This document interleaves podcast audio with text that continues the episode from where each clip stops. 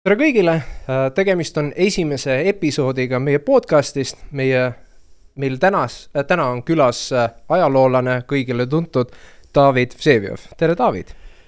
aitäh kutsumast ja aitäh komplimentide eest, neid on alati väga meeldiv kuulda.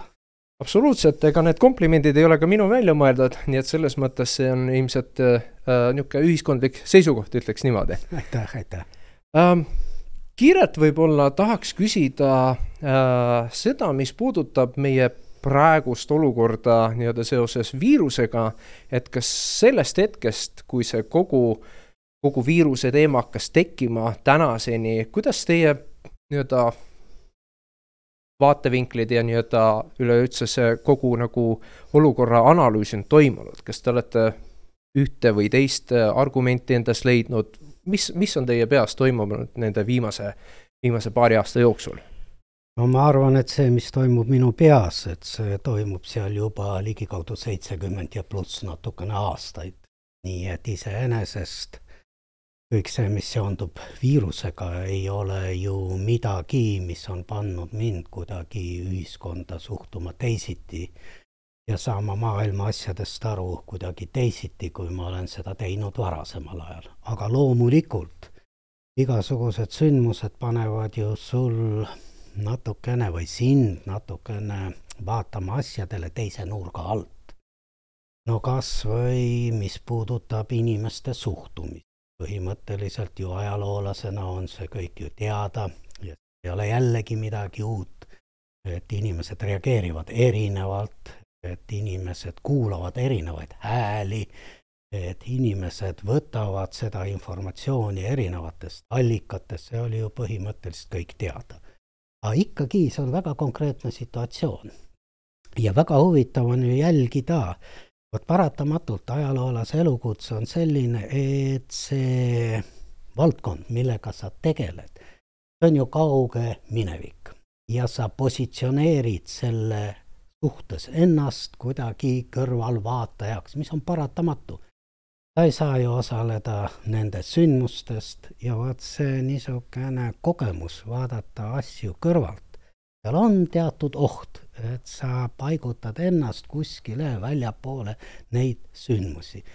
ja siis sa neid vaatled ja siis sa mõtiskled ja siis sa tuled teatud järeldusteni ühesõnaga lühikalt vastates sellele keerulisele küsimusele, muidugi, muidugi see on sundinud mind mõtlema mingitele asjadele, millele ma varem pole nii palju mõelnud, aga samas ei ole siin ka põhimõtteliselt midagi niisugust rabavalt uut, millega ma poleks mineviku variandis kokku puutunud kas te mõtlesite tol hetkel, kui see viirus hakkas tekkima, et ohoh, et vaatame, mis nüüd juhtuma hakkab, et kas mingisugused nii-öelda panused, kuidas see olukord võiks nagu välja töötada, et selle koha pealt? no nii see otseselt ei ole, sellepärast et midagi pole parata, jah, ajalugu on minu jaoks nagu laboratoorium.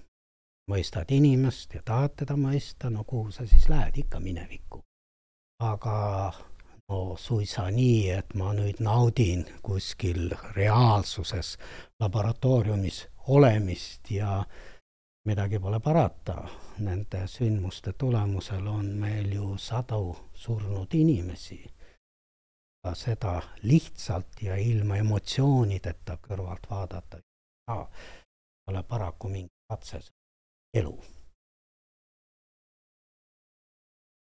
Uh jah, see. ega ma otse ju küsimustele reeglina ei vasta, nii et ja, ma saan aru, et neid on päris keeruline esitada. aga nad on ka sellised, millele ei ole niisugust väga konkreetset jah-ei vormis vastu. absoluutselt, see on selge, aga teie, teie nii-öelda äh, prognoos on see, et äh, kas see on miski, mis siis äh, ühiskond saab noh, kogeda ja läbi elada, et selles mõttes, et äh, see on niisugune tähtis niisugune ajaloopunkt, kus siis me tegelikult kogusime sellel koroona hetkel mingisugust ajaloolist mälu ja mingist niisugust kogemust. nii see on, aga paraku inimkonna mälu ei ole ju väga pikk. kui ta oleks pikk, siis ei oleks pärast esimest maailmasõda ja kõiki neid jõledusi ja õudusi puhkenud teine maailmasõda. tähendab, ja millises variandis, sellises variandis, et ikka leidus inimesi, kes olid valmis minema, kes olid nakatunud selle mõttega, et lähme jälle kuskile ja teeme midagi sellist, mida nad olid ju inimkonnana läbi teinud kuskil.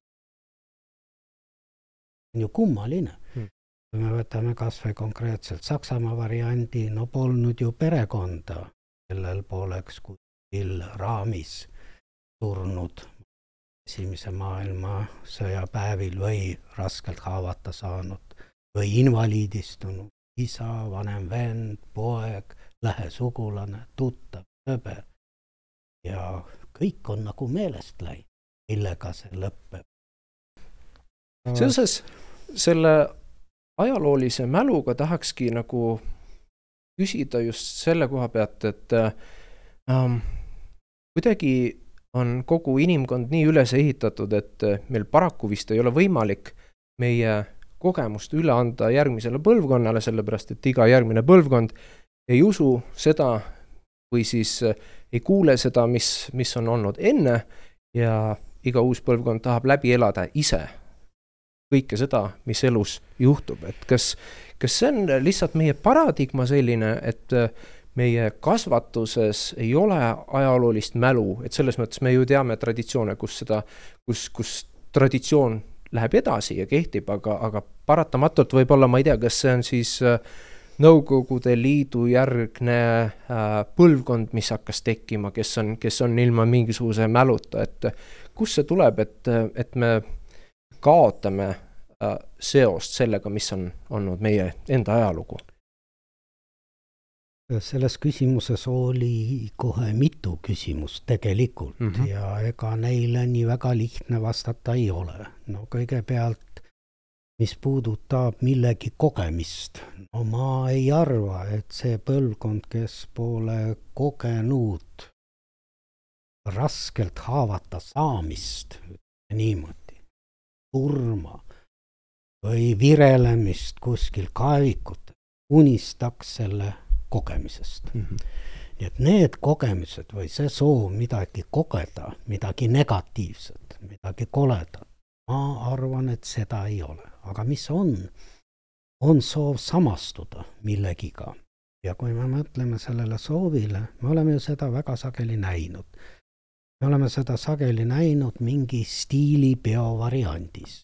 ütleme, mingi stiilipidu no meil oli natuke näiteid Saksamaast, aga me võime võtta ka Nõukogude Liidu. no kui on stiilipidu, siis me paneme endale selga need ilusad mundrid. võtame ikka selle konkreetse näite. munder on ju aastast tinglikult tuhat üheksasada kolmkümmend kaheksa.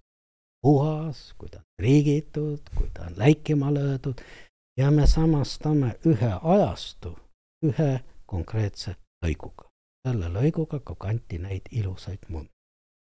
see samastumine nagu laieneb sellele samale ajastule, sellele ideoloogiale, kõigele sellele, see paistab meile olevat kuidagi samastamist väärt. ja me sellest samast ajajärgust ei võta ju seda mundrit mingisuguses variandis, mis näiteks on jäädvustatud fotodele pärast Stalingradi kasvu. kus seesama munder Amunder muidugi jutumärkides, rebenenud, on verega määrdunud, inimene on läbi külmunud, tal on jalad mähitud mingitesse nartsudesse, pähe on tal seotud mingisugune sall, me ei samastu selle mundriga, me ei korralda stiilipidu mm. selles mundris.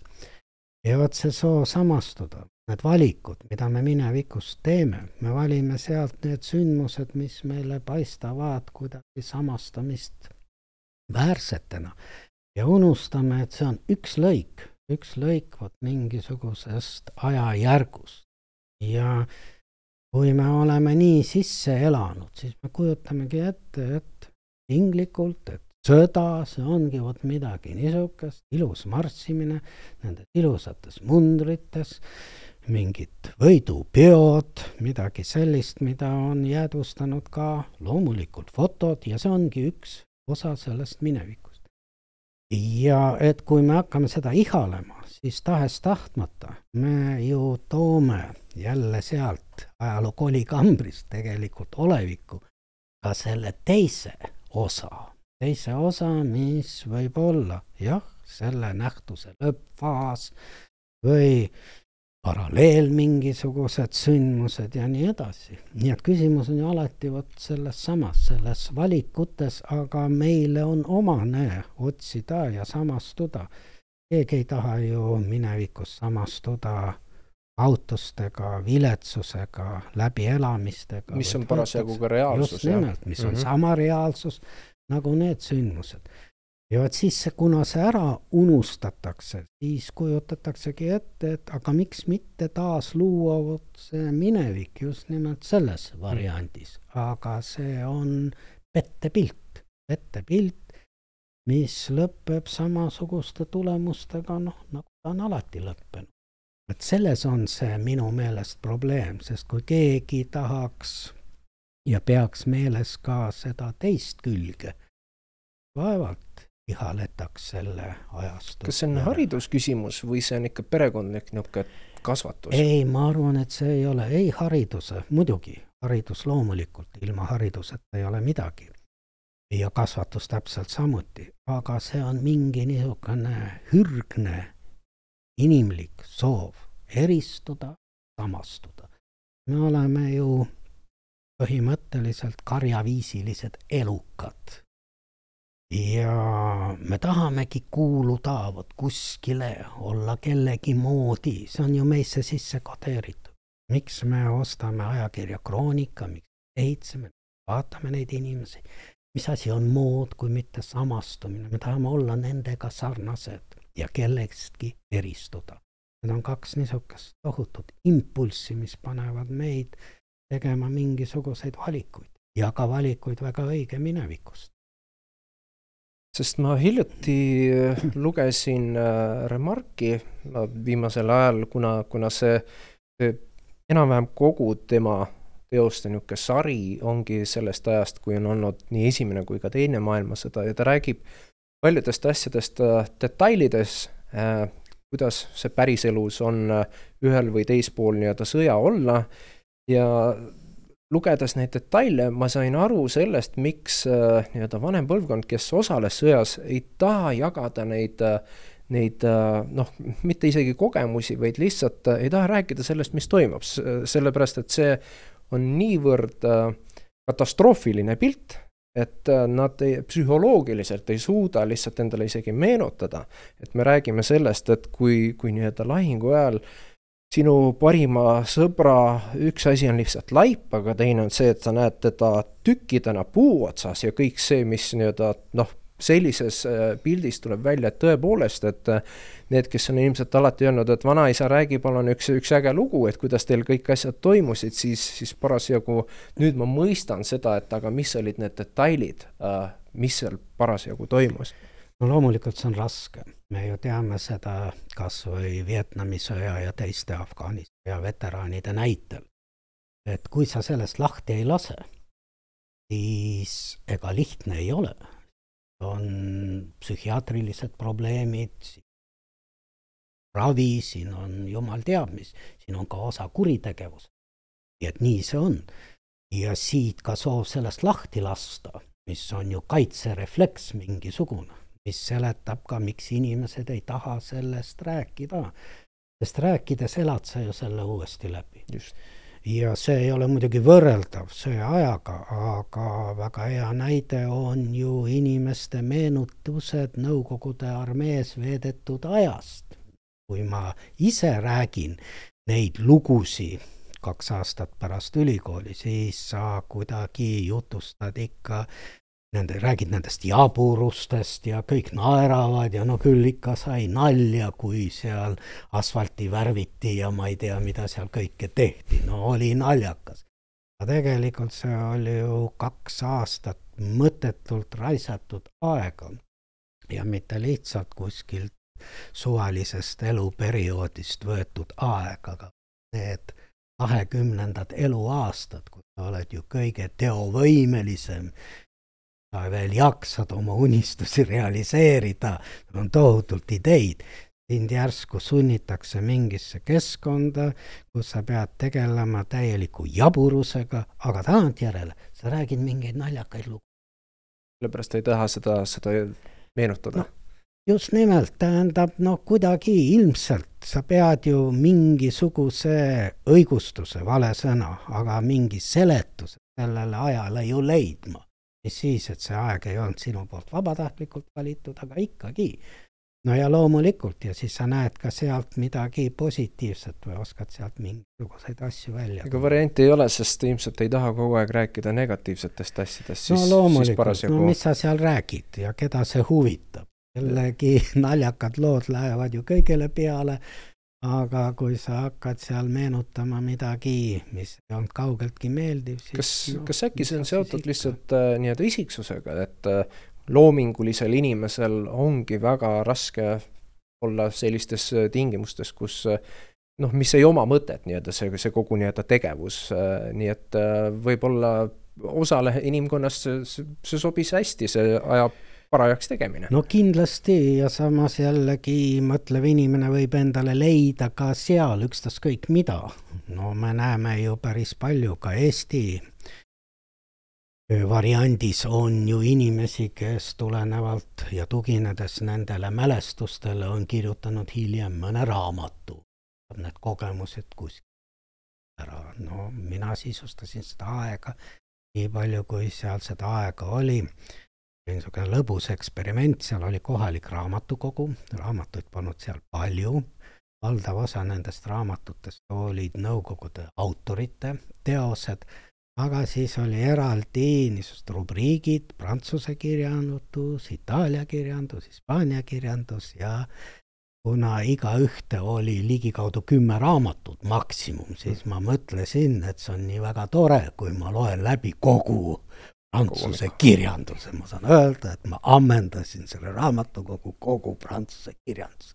no niisugune väikene seigakene, aga see andis jälle kuidagi niisugust elujõudu ja kusjuures nende raamatute seas olid ju mõned sellised, mida no ei oleks pidanud lugema lugeda oli midagi hoopis paremat mm. -hmm. aga just nimelt see püstitatud eesmärk, et ma loen läbi kogu prantsuse kirjanduse selle raamatu. see kõlab hästi just nimelt valikus, siis see kõlas kuidagi hästi ja inspireeris. kas te mäletate oma psühholoogilist niisugust seisundit või niisugust sisemist argumentatsiooni just nõukogude ajal äh, nii-öelda oma, oma niisuguse noores eas, siis nii-öelda küpsemas, et selles mõttes, kuidas te mõtestasite seda, mis toimub, kus te olete?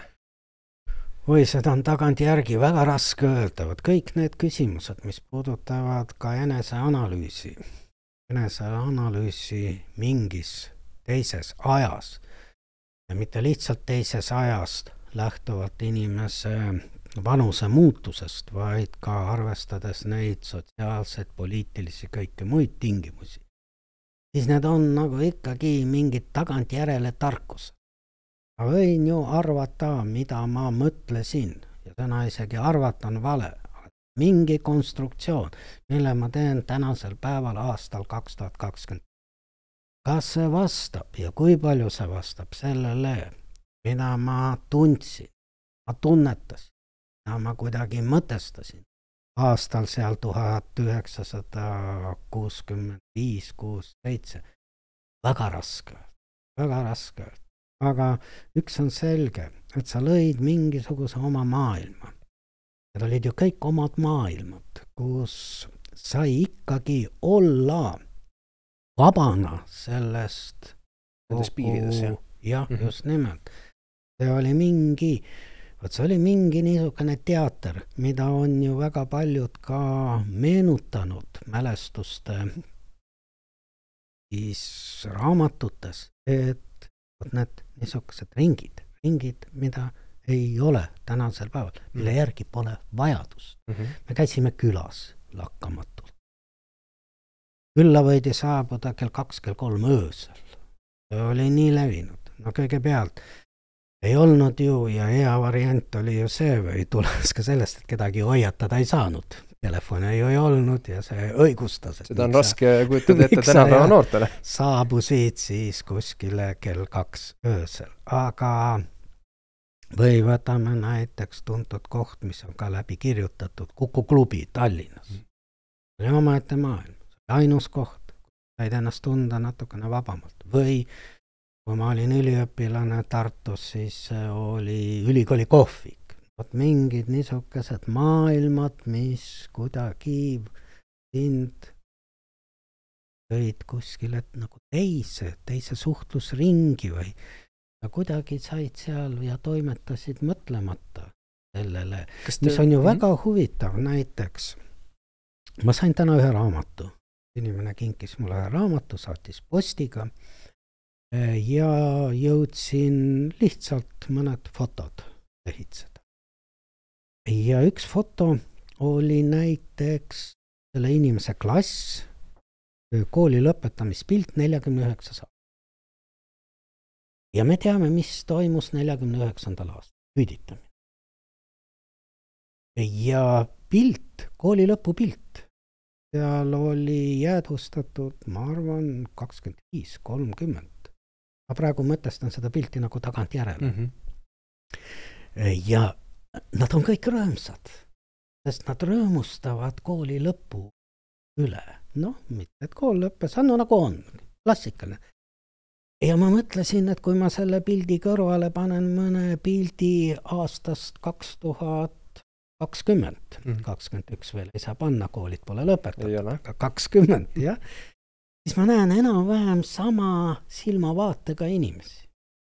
kui me nüüd aga mõtleme sellele kontekstile, siis on ju hoopis. ja jällegi ilmselt need inimesed, on üldsegi välistatud, keegi nende lähedastest laine alla ja kuskile minema pühib. aga jällegi, vot üks hetk, hetk, võib-olla mõne minuti pärast oleks nende näoilmed olnud juba teis. aga vot mingi hmm.. aga kas teil sõprade vahel oli äh, mingisugune debatt, kas kommunism on nii-öelda see, mida tuleb ehitada või, või ei olnud, ei olnud, ei olnud, loomulikult. üldiselt Eestis oli ikka väga vähe neid inimesi, kes kõike tõsiselt. jah, mida ka mina tegin ja mis tagantjärele on muidugi täiesti naiivsus, see kuuekümnendate lõpu laine, kõik need Tšehhi veel sündmuste-eelsed ajad ja kui oli niisugune tunne, et saab nagu midagi teha, midagi, et kas sama komsomoli või parteiliinist, et no on võimalik seestpoolt, mitte õõnestada mitte midagi, aga no midagi niisugust täiesti naiivne. kas nii-öelda sisemiselt inimesed üleüldse arutasid selle üle, et mi, kuidas see nii-öelda lääne kapitalistlik maailm töötab või, või see nii-öelda oli ikkagi kuidagi niisugune suletud ring teemadest, et pigem, pigem inimesed äh, arutasid selle üle, mis neile pakkus huvi ja nii väga poliitiliselt no, ei mida olnud. inimesed arutasid ja kuidas see oli, no kui kellelgi õnnestus ära käia kuskil välismaal, no ma hästi mäletan, töötasin tol ajal Ajaloo Instituudis ja üks hea kolleeg käis ära Soomes ma ei kujuta ette, et kui keegi tuleb Soomest, et siis aetakse laud ja siis mm. ta hakkab meile rääkima, mida ta seal nägi, et tõesti jah, poes olid vorstid ja nii edasi. nii et no see kõik oli. ja mida ma mäletan, ma mäletan ühte teist tunnet. ma vist ei tundnud ennast kunagi, jälle üks vale sõna, kõik need sõnad mitte kunagi ja nii edasi ei maksa mitte midagi aga see on ikkagi üks emotsioon, mis on meelde jäänud. ja siis ma selle jutu peale räägin ühe teise jutu. või ma ei unusta muidugi. Esimene jutt on järgmine, et ka seostub Ajaloo Instituudiga ja meie direktor, kellel olid ilmselt tutvused, organiseeris meile, instituudile ühe külastuse. külastuse, mis tänasel päeval keegi midagi sellist ei suuda ette kujutada, selleks oli vaja veel kord tutvusi suuri ja meile korraldati ekskursioon Tallinnas sadamas seisvale laevale Georg Ots. arvan, et eksil. ja see oli me pidime ära andma oma passid, muidugi olid kaasas, nii et me nagu ületasime Nõukogude Liidu piiri. samas me olime siin Tallinnas, igaüks võib ju minna ja vaadata seda kohta, kus mm. need laevad seal seisid. Ja meie olime, niisugune tunne, see oli nii alandav tunne, et sa käid ja vaatad seda, vot see oli nagu loom kuskil loomaaias, natukene välja lastud ja sa vaatad neid tühje baare, tähendab tühje inimestest, vaatad neid pudeleid, neid värvilisi, mis on sulle täiesti kättesaamatud, jah, ja mingid kunstpuud, ilusad, mida Nõukogude maal ju ei olnud, sulle näidatakse siis seda lääne elu niisuguses variandis, interjööris, kuskile ei pääse, välja ei lasta ma üritasin mitu korda sõita külalis, külla tuttavatele Soome, kunagi ei lastud ja nüüd sa käid seal. see oli kuidagi nii alandav. ja vot see, see tunne, niisugune tunne, see kestis ja vot ta on sinusse kuidagi süüvinud. ja ma nii väga hästi mäletan, millal ma sellest lahti sain. nüüd on sellest ka päris palju aega möödas aga see oli ikkagi aastaid-aastaid pärast seda, kui meie võimalus kuskile sõita muutus normaalseks, selliseks, nagu ta on tänasel päeval ja peabki olema. Ja ma sain kokku ühe vene ajaloolasega, väga huvitava ajaloolasega, normaalse ajaloolasega Viru hotellis ja me istusime seal all fuajees, no seal on tavaliselt need kohvikud, jõime mm. seal mingit kohvi ja millestki me rääkisime. ja ma väljusin hotellist. järsku ma taipasin, et, et midagi on teisiti. Ja kui ma olin astunud seal veel paarkümmend sammu, siis ma sain aru, et esimest korda ma väljun Viru hotellist nii et ma väljun ühest hoonest, nagu hoones väljutakse, hoonest väljutakse, ilma mõtlemata, et omal ajal ma sinna sisse ei pääsenud. see oli siinsamas keset Tallinnas üks hoone, kuhu Nõukogude inimene sisse ei pääsenud. Nii palju võttis aega mm., nii palju võttis aega, et unustada lihtsalt.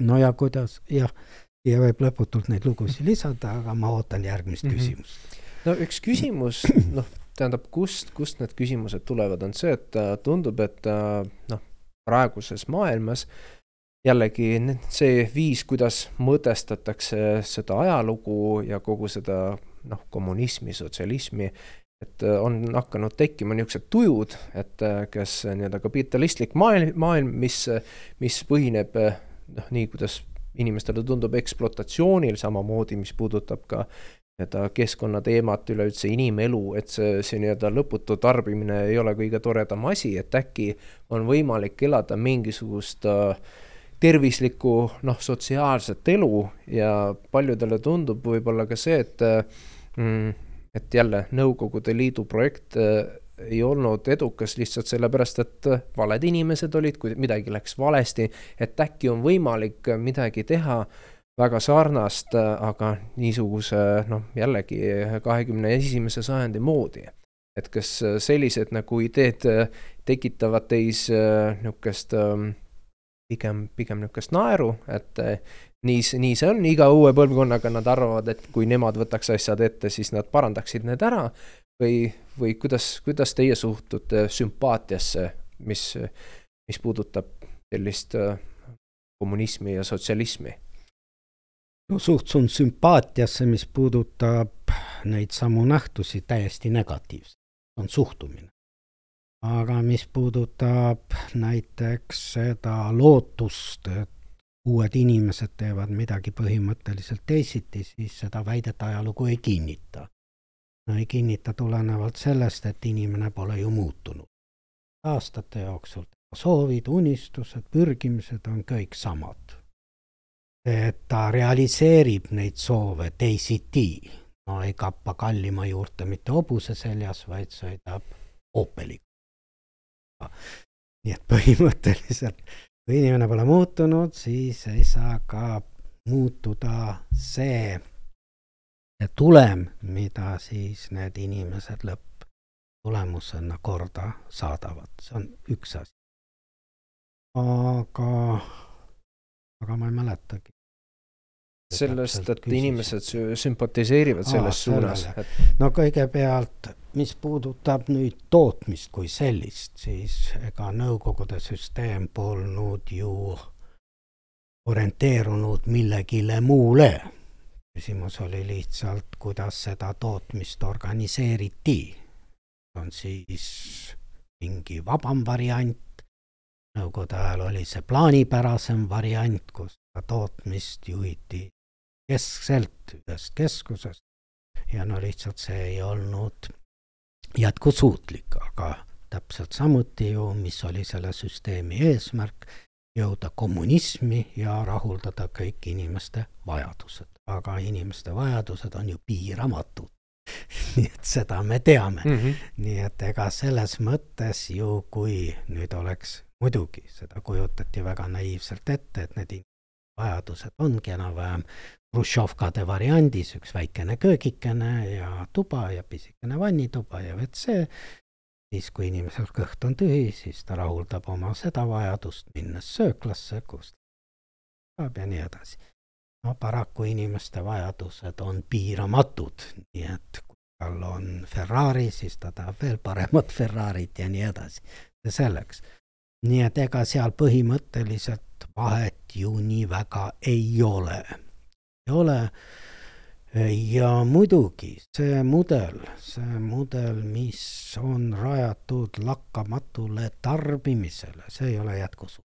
selles ei ole küsimustki tarbijad, see on juba ammu välja arvestatud, et kogu maailm tarbida nii, nagu tarbib tinglikult keskmine ameeriklane, neid ressursse lihtsalt keegi isegi kalkuleeris välja, et kui Indias inimesed elaksid ühe päeva, nii nagu keskmiselt USA-s, siis, siis a la kolm koma viis päeva oleks vaja, et kõik ressursid saaksid otsa. just nimelt ja me just praegu rääkisime samastumisest mm. -hmm. milliseid filme vaadatakse, millist elu unistatakse või millisest elust.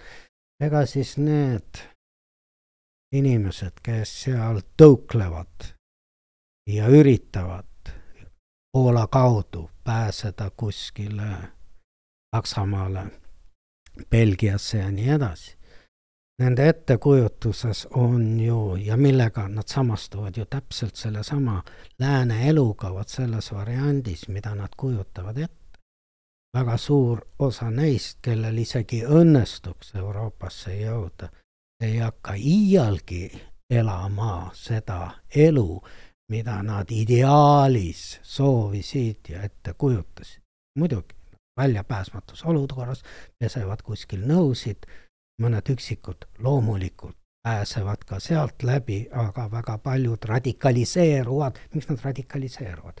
sellepärast, et see pilt, see unistus, see unistus ei haaku selle tegelikkusega või sealt see lõhe on nii meeletu, et inimesed otsivad siis endale mingisuguseid teisi väljapääse. Nad astuvad organisatsioonidesse ja see on ju nii elementaarne, kus neid väliselt hinnatakse, neid kiidetakse, tubli oled, hindame sind, tee seda, ja inimene tunneb ennast seal lõpuks ometi mingisuguses olulises rollis, mida ta lootis leida selles ühiskonnas ja ei leidnud mm.. aga häda on ju selles ja ka need arvutused on juba tehtud et paraku lihtsaid lahendeid, lihtsaid lahendeid üldse pole. ja te mainisite keskkonda ja neid probleeme ja paraku ka siin ei ole lihtsaid lahendeid. seda on ju ka välja arvestatud, et kui kogu Inglise autopark muuta elektriautodeks, mitmeid kümneid kordi peab maailmas suurenema vase ja ma ei tea, mis metallide toodang, mis jällegi vastupidiselt toob selle kaalukausi hoopis teise suunda. et need kalkulatsioone tuleb teha noh, täiesti kõikidel skaaladel. loomulikult, aga küsimus ongi selles, et me usume ja inimkond alati usub lihtsaid lahendusi. Vene keeles on väga hea väljend, üks ravim kõikide haiguste vastu. ja, ja nii see paraku on, nii see paraku on ja vot siit lähevad need need loosungid peal, mis on populism? populism ongi midagi sellist, kus pakutakse välja sulle lihtsaid lahendeid väga keerulistele probleemidele. ja ajaloo kogemus jällegi ütleb, et paraku neid lahendeid just äh, mida, mida aeg edasi, seda keerulisemaks ka kogu meie ühiskonnakorraldus läheb. loomulikult, loomulikult. ja meile paistab no ükskõik mis, võtame loosung, ärme lase kedagi sisse, noh, meeldiv, ärme lase mida me sellega lahendame, tegelikult me ei lahenda mitte midagi ja nii edasi, neid näiteid võib tuua lõputult. mis ei tähenda, et peaks toimima alati vastupidi mm. -hmm. selle noh, Nõukogude Liidu äh, süsteemiga on mul niisugune nagu noh, huvitav endal nagu analüüsida seda, kust on minu vanemad tulnud, nemad on siis kuuskümmend neli sündinud ja siis mina olen see siis äh, toode, kes sündis üheksakümmend üks. ja ma üritan leida vastuseid, et kas äh, see, mis, äh, millest koosneb nende isiksus, kas see on nii-öelda osa Nõukogude Liidu ideoloogiast, alates sellest, et tuleb kui on võimalus midagi võtta, siis tuleb võtta ja nii edasi, nii edasi, aga samas nii-öelda see minu põlvkond, kes on kasvanud üles ikka külluses, ütleme niimoodi, et äh, noh, kust, kustkohast äh, on nii-öelda see režiim, mis on, mis on nende elu äh, väärtused kokku pannud ja, ja kuidas, kuidas noh, selles mõttes äh, vähendas, vähendada seda mõistmist minu ja nende siis mm generatsioonide vahel, sest nemad äh, ikkagi noh, ütleme niimoodi, on ellujääjad oma ide-, ideoloogia ja siis mõtteviisi koha pealt. Ja siis äh, ja minu põlvkond, kes on siis äh, saanud enam-vähem kõike võimaluste koha pealt äh, hariduses ja mis iganes tegevuste koha pealt, et meil on hästi-hästi suur niisugune mõtestamis, üleüldse nagu sündmuste ja, ja kõige mõtestamise nagu lõhe just selle koha pealt, et meie see, kuidas me näeme elus probleeme, on erinevate nurkade alt, et äh, kuna jällegi nende elu esimeses faasis on, oli hästi tähtis äh, leida lahendus väga paljudele probleemidele, alates sellest, et äh, kuidas saaks süüa natuke paremat toitu, elada paremas korteris, saada midagi, siis seda kõike ei ole. ja siis me olemegi nagu niisugust kaks eraldi saart praegu, et ma ei tea, kas ajaloos on olnud sellist, noh, ilmselt Äh, kõike on ajaloos olnud, aga sellist nagu olukorda, kus ähm, generatsioon kasvab üles just külluses, et kõike on ja raske on valida ja paljud praegu äh, lähevad hulluks, selles mõttes see on sama nagu filosoofiline oli näide Äh, eestlist, kes äh, seisab kahe võrdse heinakuhja ees ja ei suuda otsustada, millist ette võtta, et ära süüa ja sureb ära. et praegu see nii-öelda valik on nii suur, et äh, inimesed, inimesi ei kitsenda mitte midagi ja, ja nad selle tõttu ka on paralüseeritud, kuna, kuna sind ei survesta mitte midagi, sa ei tea, et mida siis eelistada, mida ette võtta, et kuidas kuidas teie nii-öelda näete seda olukorda? no see oli jälle üks väga keeruline ja pikk küsimus, mille algus hakkab juba meelest minema mm.. aga no kõigepealt ma lihtsalt püüan markeerida midagi, mis on meelde jäänud. no kõigepealt muidugi, alati generatsioonid erinevad. Ja kui me räägime generatsioonide kategooriatest, siis me võime tõesti üldistada ja rääkida sellest, et üks nendes tingimustes, teine teistes tingimustes, üks seal Nõukogude Liidus, teine generatsioon kas või, see võib olla generatsioon mitte ainult ajas, vaid generatsioon ka ruumis, õigus, läänemaailmas ja nii edasi. nii aga, kui me jõuame indiviidide tasandile, siis need vahed hakkavad minu jaoks kaduma. Sellepärast, et ma näen headust nende generatsioonide esindajate poolt esitatuna ja näen jälle midagi väga negatiivset ka nende generatsioonide puhul ja nende generatsioonide esindajate puhul, kes peaksid olema kasvanud nagu nendes tingimustes, kus midagi, mis seda pidi tingima, nagu ei oleks või puuduks. või sageli räägitakse sellest, et vot korruptsioon ja nii edasi, et see on tingitud väga paljust sellest, et me oma juurtega tuleme Nõukogude ajast, jälle see generatsioon ja nii edasi. Samas, kui me avame mingisugused uudistekanalid ja loeme, siis me näeme neid ilminguid nii Rootsis, Jaapanis ja maailmas, mis nagu peaks olema hoopis teises ajaruumis kujunenud, need inimesed peaksid olema kasvanud hoopis teistes tingimustes, aga ei, tuleb välja.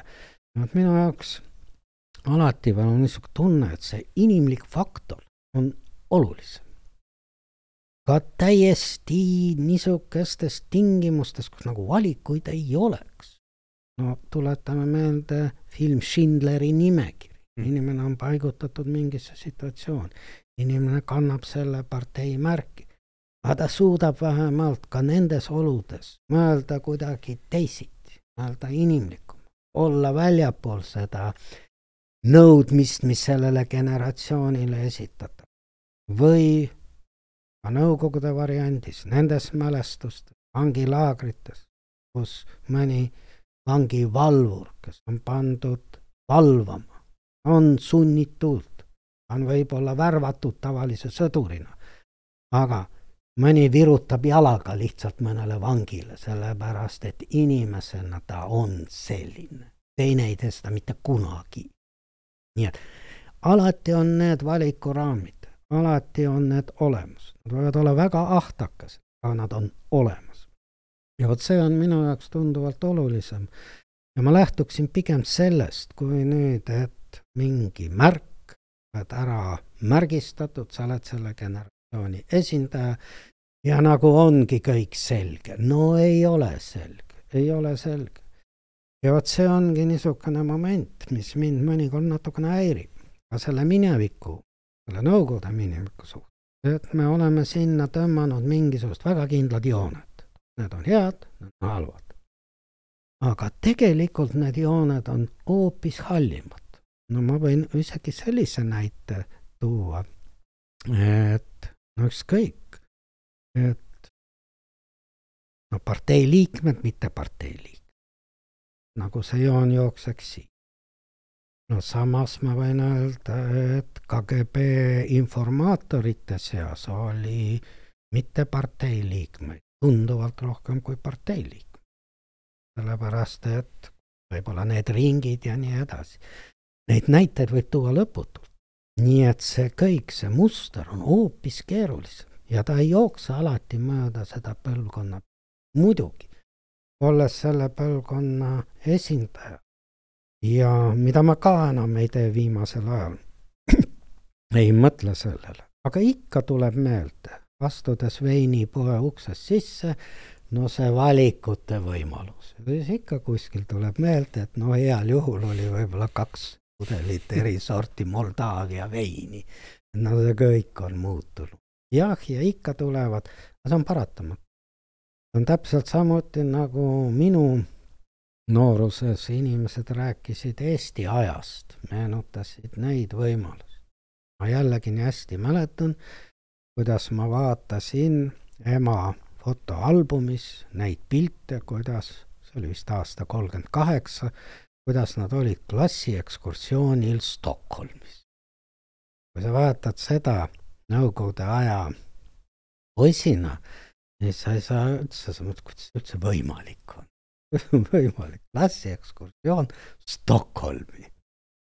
nii et see on paratamatu, jah, nii see on, aga ma ikkagi arvan, et ka need kontaktid, te joonistasite välja väga konkreetselt, oma sünniaasta, vanemate sünniaasta ja see lõhe, lõhe. aga ma arvan, et see lõhe on ikkagi rohkem milleski muus. me paneme kõik need aastaarvud ja teie vanemad ja teid mm -hmm. jutumärkidesse. et need on ikka milleski muus kui absoluutselt tingitud, et nad oleksid tingitud ainult põlvkondlikust erinevusest.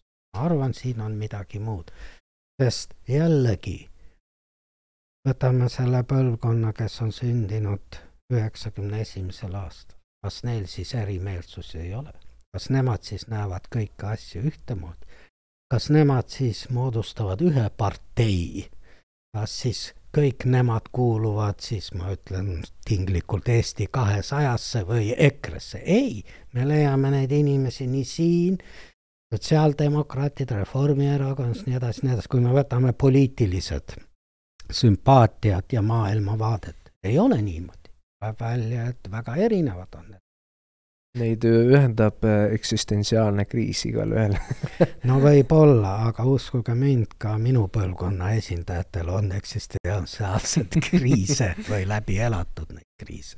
No alati tundub, et, et see kriis on kõige sügavam endal ja loomulikult teistel ja. seda ei ole. ei, muidugi, muidugi. jällegi mitte kui põlvkonna esindajal, vaid kui inimkonna esindajal.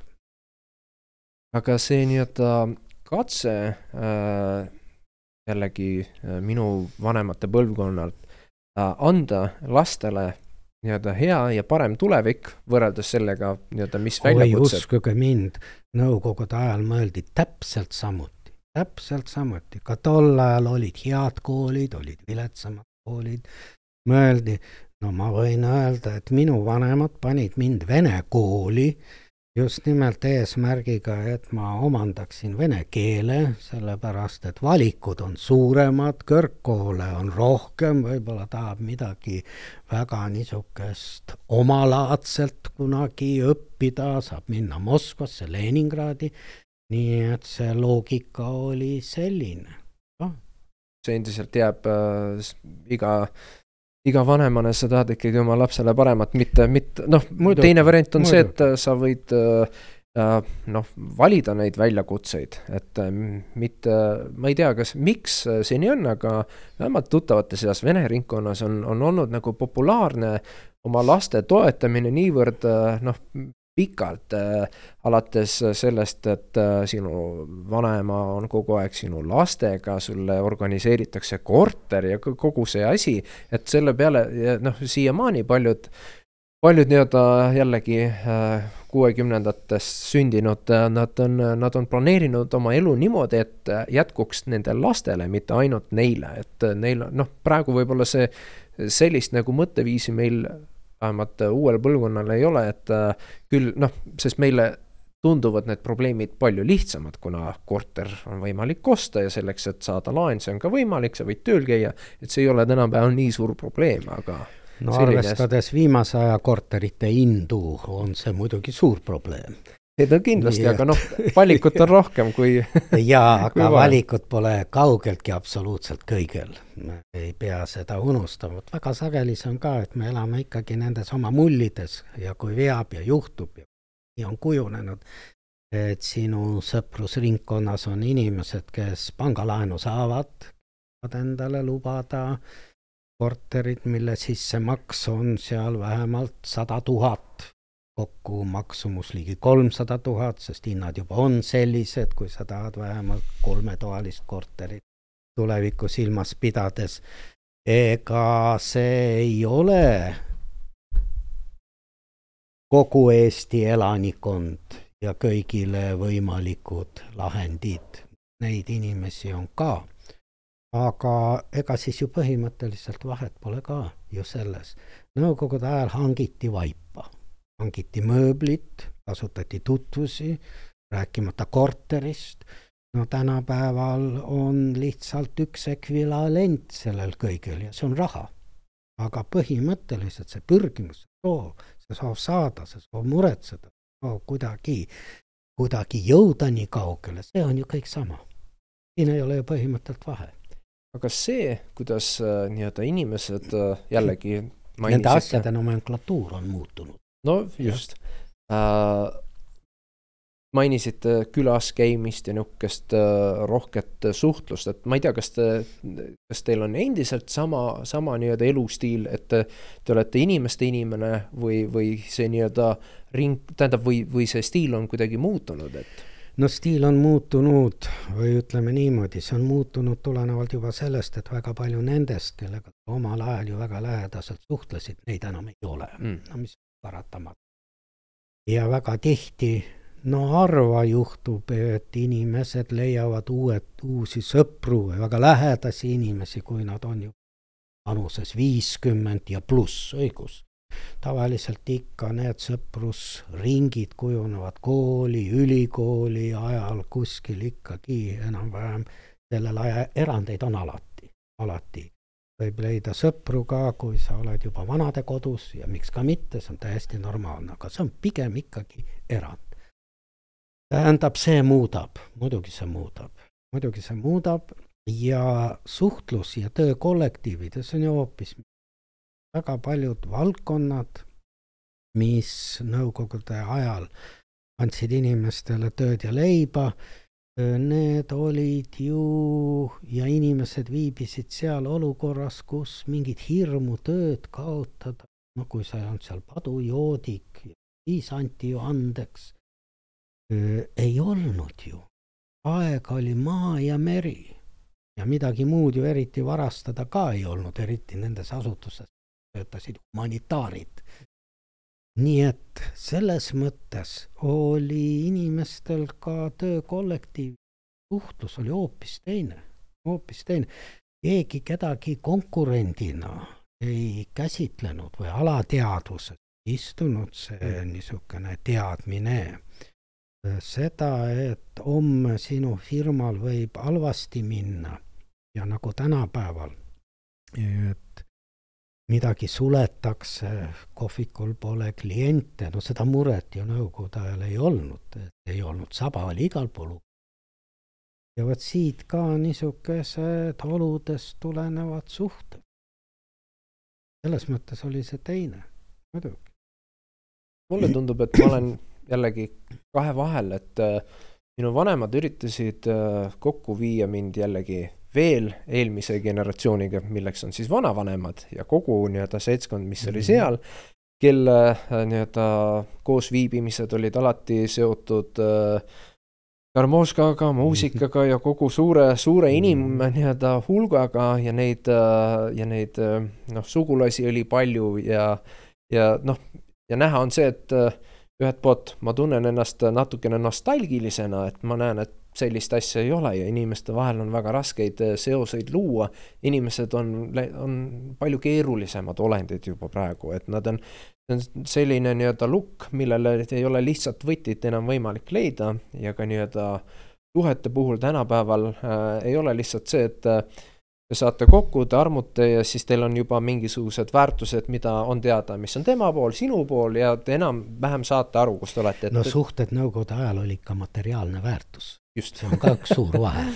tänapäeval suhted on hoopis midagi muud. meie võime suhelda, sest meil on tore suhelda mm, -hmm. aga meie suhtes pole seda mõtet, mida te saaksite mulle hankida sest kui te oleksite näiteks kalapoe müüja, siis ma suhtleks teiega juba sellepärast, et ma saaksin mõnikord leti alt head kala, näiteks. see juba tingis ka mingisugused teised suhted, muidugi, vaevalt kalapoe müüjana, me mängime praegu mängu, et te olete kalapoe müüja, kutsuks ma teid pidevalt külla, aga kui ma tänaval teid näeks, kindlasti peatuks Teie suhtleksite minuga sellepärast, et ma olen lillepoe müüja, kunagi ei tea, millal seda vaja mi,. millal see, see juhtum tuleb? hoopis teine suhete tasand, tänasel päeval see kõik puudub ta võib-olla ei puudu absoluutselt, ütleme niimoodi, selle roll on tunduvalt väiksem, kui ta oli varasemal ajal. ma arvan, et poliitikas ja mingites maailmades need suhted, mis on analoogilised nendele suhte, suhetele,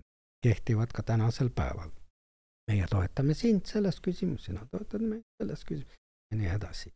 nii et ma natuke sekkusin vahele, aga ma lihtsalt kartsin, et ma unustan selle nüansi ära ja tõepoolest, ma ei ole selle nurga alt mõelnud, kuna, kuna nii-öelda äh, noh, mul õnnestus osaliselt näha nii-öelda noh, kuna, kuna meie perekond siis liikus Eestisse üheksakümnendatel ja kogu tegelikult nii-öelda algne perekond on olnud Novomoskovskist, see on Tula oblastis et äh, me olime enam-vähem iga suvi seal, alates aastast ütleme niimoodi üheksakümmend neli, üheksakümmend kolm.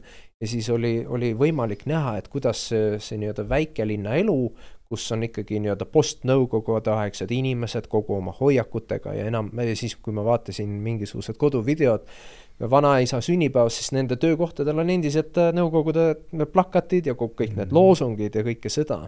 et äh, noh, ma sain sellist tükike tükike sellest ajast, äh, mis on võib-olla ka äh, mänginud sellist äh, negatiivset rolli, et ma igatsen seda, mille osa ma ei ole kunagi olnud, aga mille, mille noh, mille nii-öelda vaatleja ma korraks olin.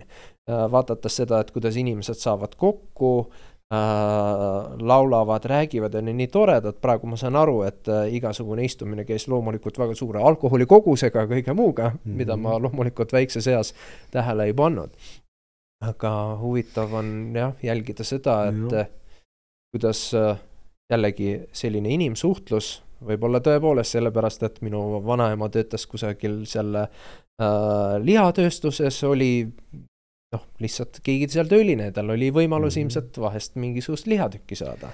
see on tegelikult väga huvitav, see on meile just nimelt inimestena, me tahame kuuluda mingitesse gruppidesse, veel kord, me oleme karjaviisilised elukad.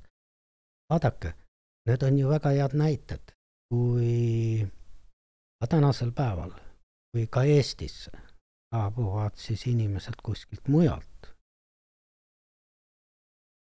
pagulase staatuse, siis nad nagu koonduvad ju kuskil kokku, käivad koos, nad korraldavad üritusi, teevad midagi. ja võtame kas või eestlased, kes sattusid Teise maailmasõja keeristes Kanadasse, koondusid valdavalt Torontosse, elasid seal klubid, tantsuansamblid, nii edasi, nii edasi, nii edasi ja oma kõrgkool nii et see on niisugune soov või võtame juudi rahvusest emigrandid Nõukogude Liidust New Yorgis, Brighton Beach, juhtusin sinna kunagi ja sinna oli ju üles ehitatud seesama Nõukogude maailm defitsiidist, mida Nõukogude maal kätte saada polnud võimalik. astusid sinna Vene poodi ja seal müügil oli aasta, esimest korda pääsesin välismaale õele külla, see oli aasta kaheksakümmend kaheksa, kaheksa lõpp, Gorbatšovi aeg. Ja sattusidki, tähendab, sellesse maailma, kus noh, lihtsalt nagu kopeeriti seda, millest tunti siin puudust, mitte ei samastutud sellega. ja mul on veel üks kogemus järgmisest aastast minu onu lahkus Eestist kolmekümne kuuendal aastal Palestiinasse ja kaheksakümmend üheksa siis pärast Ameerikat sain ma sõita talle külla. olime tema kirjavahetuses, minu isa oli juba surnud, aga tema, ta oli vanem vend, ta oli elus. käisin tal külas, kõik oli väga sümpaatne ja siis olid ühed kauged sugulased, kes elasid Tel Avivis. ja läksin neile külla ja saabusin ja astun sinna korterisse ja see pilt, mis avanes minu silmadele, oli niisugune üllatuslik. suures toas olid toolid pannud ritta.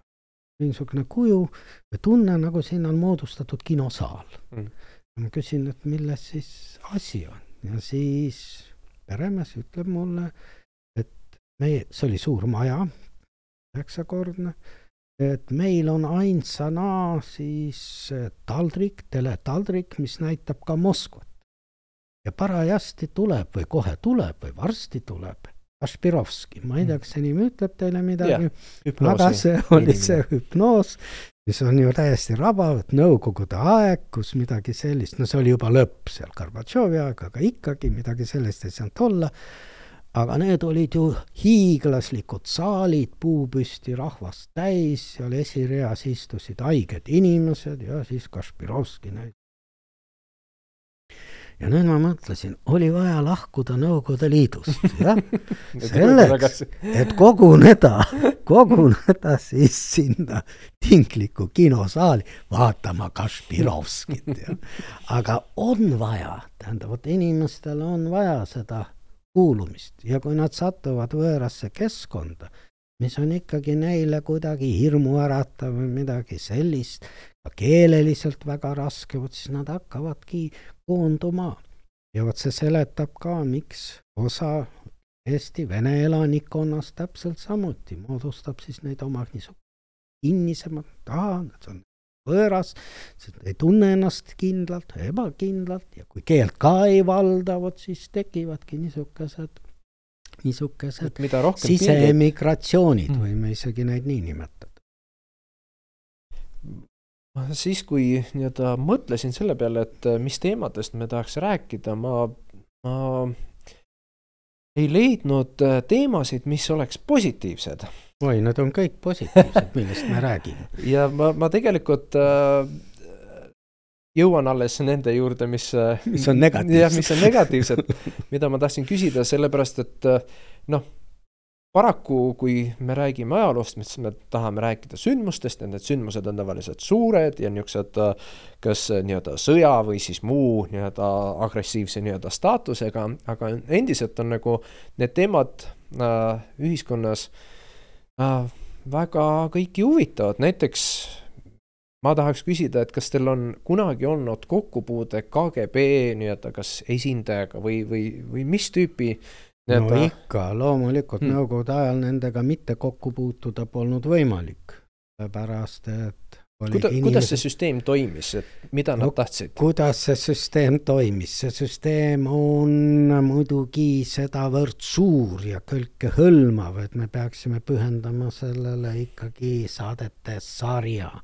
alates ajaloost, kuidas see süsteem sünnib, milline oli julgeolekupartei vahekord, kes keda juhtis, kuidas see kõik jooksis kokku Moskvasse, kuidas need struktuurid olid omavahel seotud, kes kellele allus, kes keda kontrollis ja nii edasi.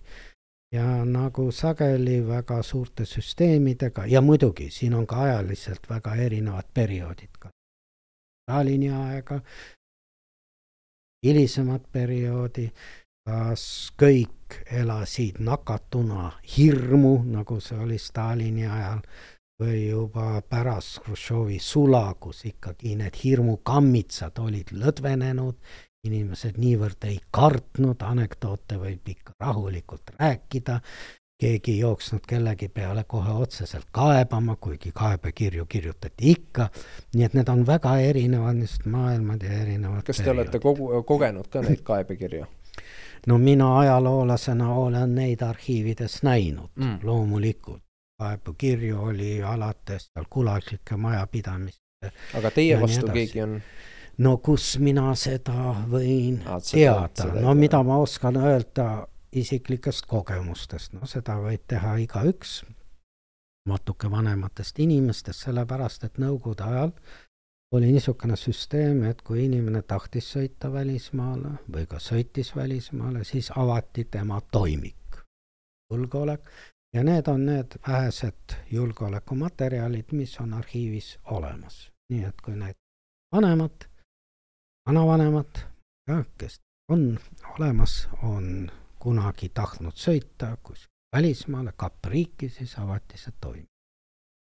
No minu toimikut läksin kunagi vaatama ja oma üllatusena leidsin seal ühe asja, kohe ütlen, mis asi see oli, mis mind suisa jahmatas. Ma olin pioneerlaagris, see oli Valkla pioneerlaager, see oli küllaltki eriline pioneerlaager, sellepärast et seal olid ka vahetevahel Soome ja ka Rootsi kommunistide vasakpoolsete seal lapsed, kuidas neid Nõukogude Liitu kutsuti, kuidas paanika kõik korraldatud, on omaette teema, igatahes nad seal olid. ja seal oli üks väga sümpaatne tüdruk üks Rootsi tüdruk, kellega mul oli kirjavahetus. noh, saatsime postkaarte ja mida siis seal kolmeteist, neljateistaastased inimesed ikka kirjutavad. Ja ma olin unustanud tema nime ja sellega seostub veel üks lugu, kuidas ma seal ühe hea sõbraga vaidlesime, et mis selle tüdruku nimi oli ja nii edasi, mäletan. ja möödus, möödus aastaid ja ma võtsin selle oma toimiku huvi pärast välja, et vaadata, mis materjalid seal siis sees on ja kas ma seal satun selle peale, mis põhjusel mind siis kuskile ei lastud. ja selles toimikus ma leidsin selle tüdruku postkaardi, oli ära võetud.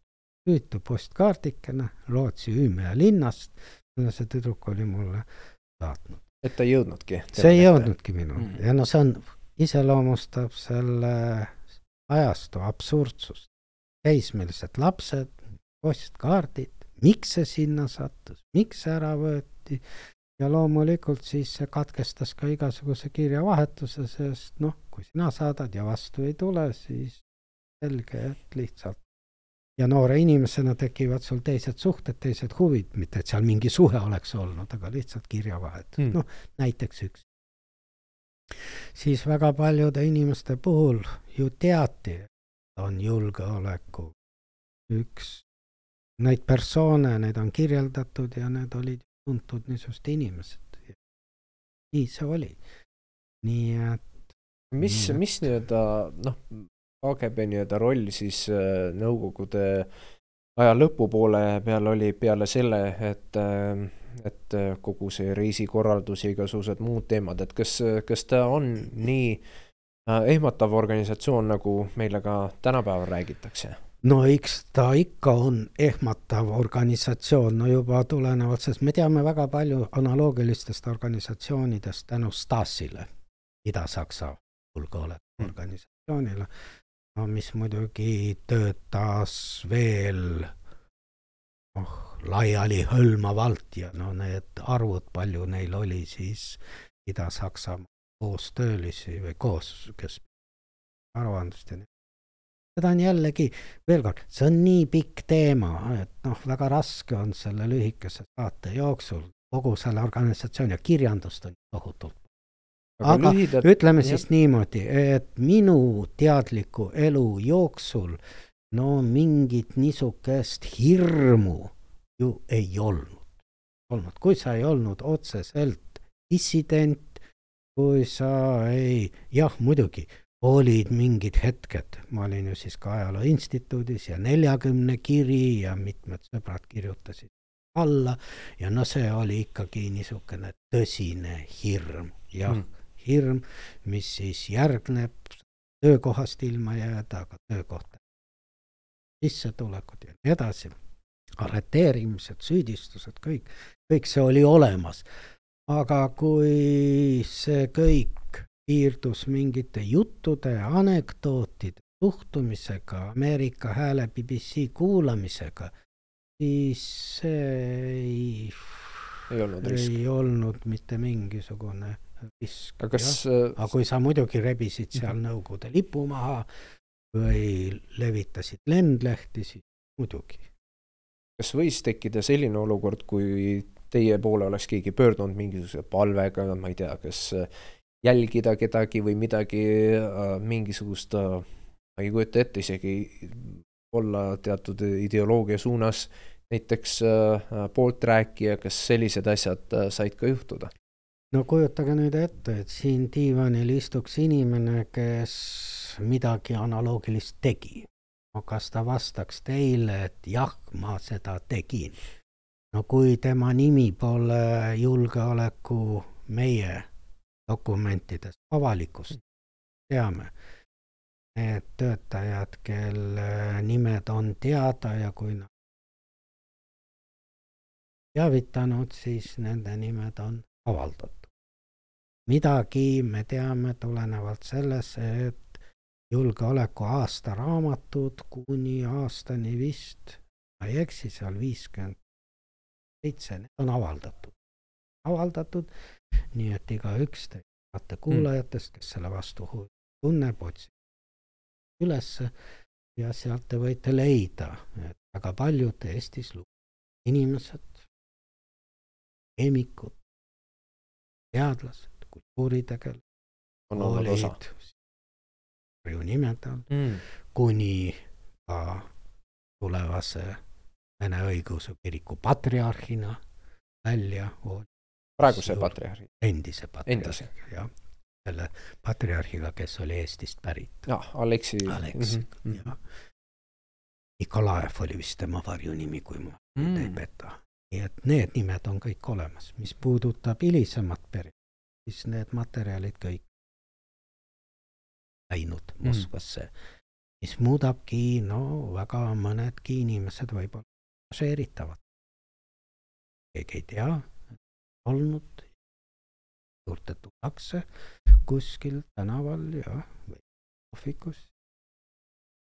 räägime neile midagi, muidu meie teeme mm. seda.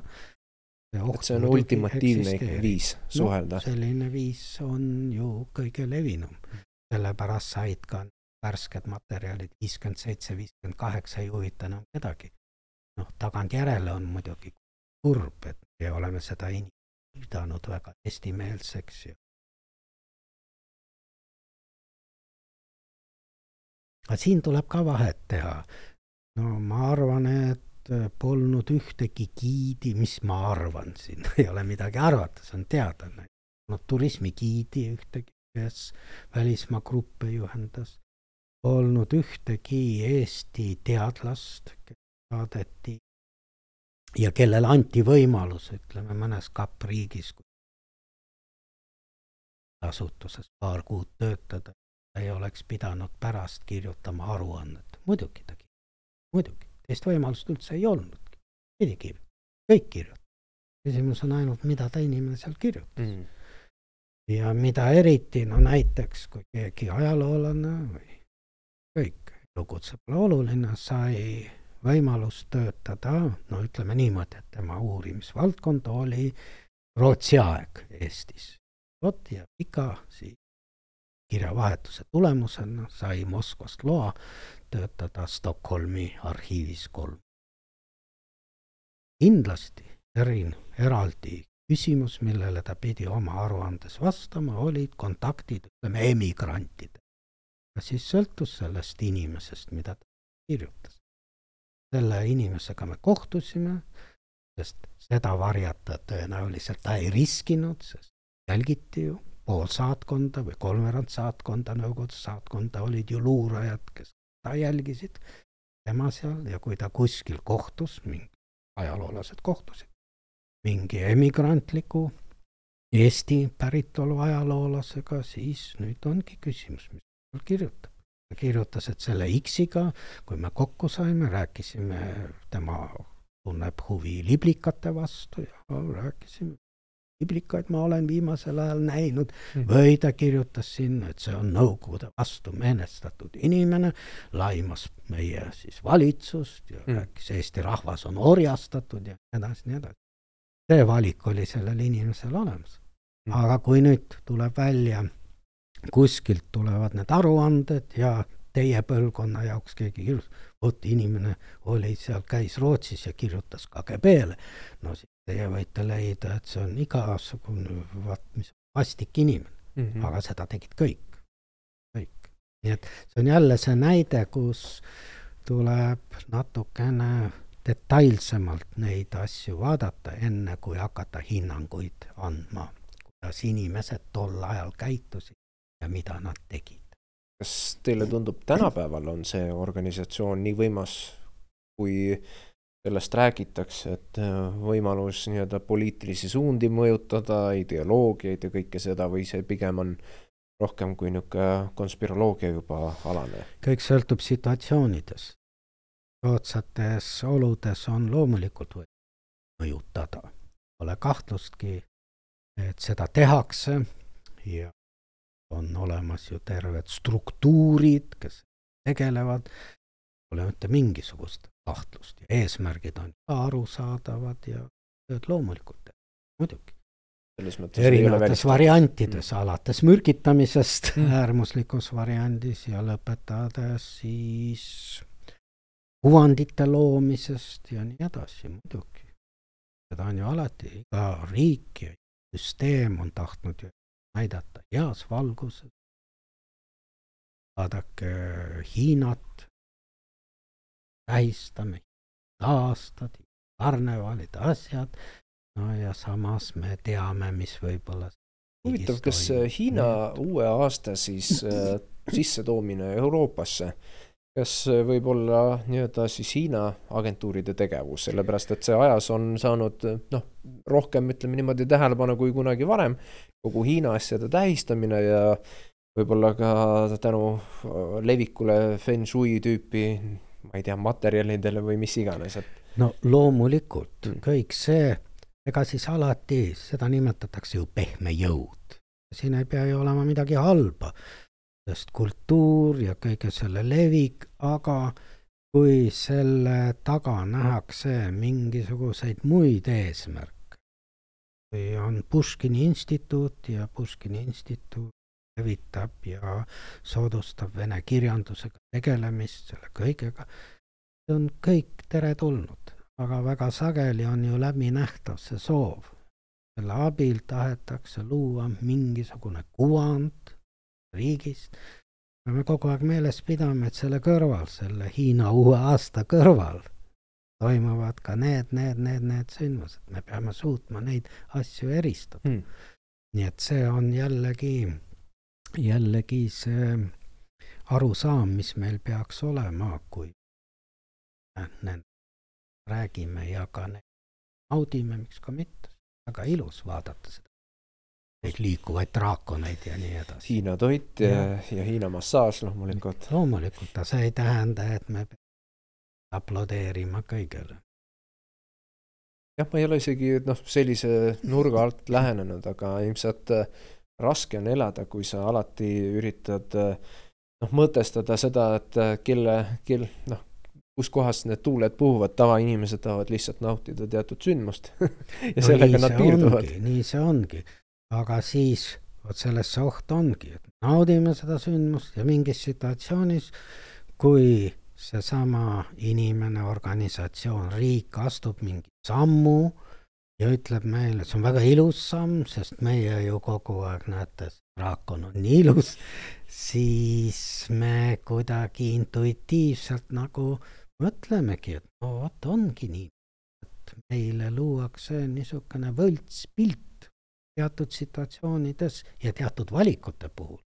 kas me mõistame seda hukka või me tervitame seda, kas mm. me laulame kaasa või me ütleme midagi kriitilist, ju mõjutab sest Hiina puhul ongi see, et võib-olla see kuvand, mis on loodud, vähemalt jällegi minu vanusegrupi seas on see, et tegemist on äh, riigiga või siis kultuuriga, kus on äh, ajalooliselt äh, olnud erinevad äh, loodud targad süsteemid, alates feng shui'st kuni igasuguste apu, akupunktuurideni ja kõige selleni.